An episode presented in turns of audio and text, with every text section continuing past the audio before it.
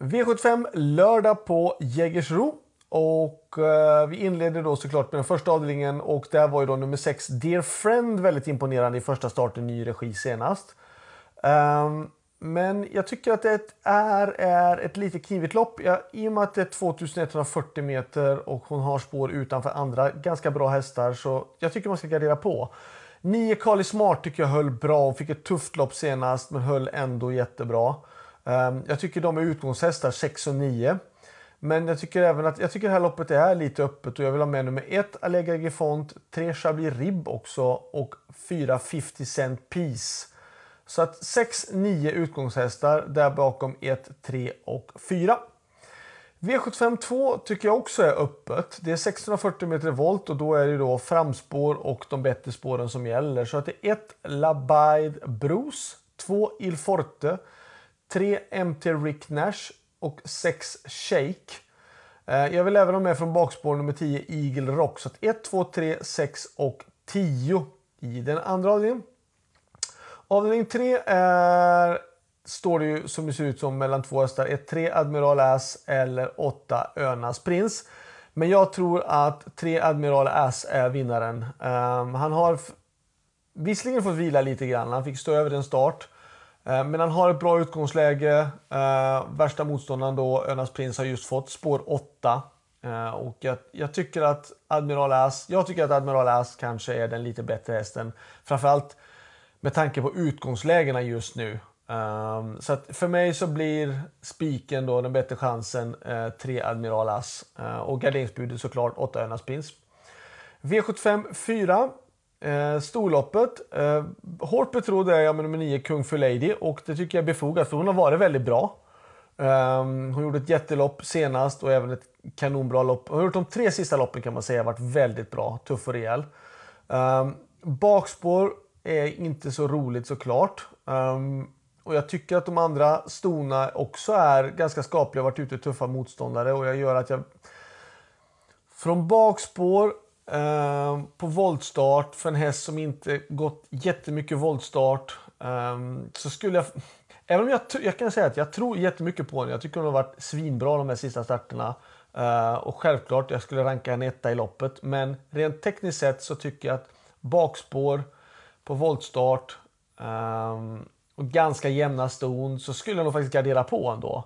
Uh, ett Heartbeat Julie tycker jag visar kapacitet. Två Hearts satt väl fast senast.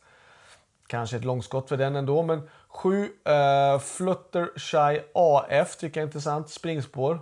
Uh, och sen på 20 meters tillägg då 14 Nova Marion och 15 Hatusa som är starka rejäla ston.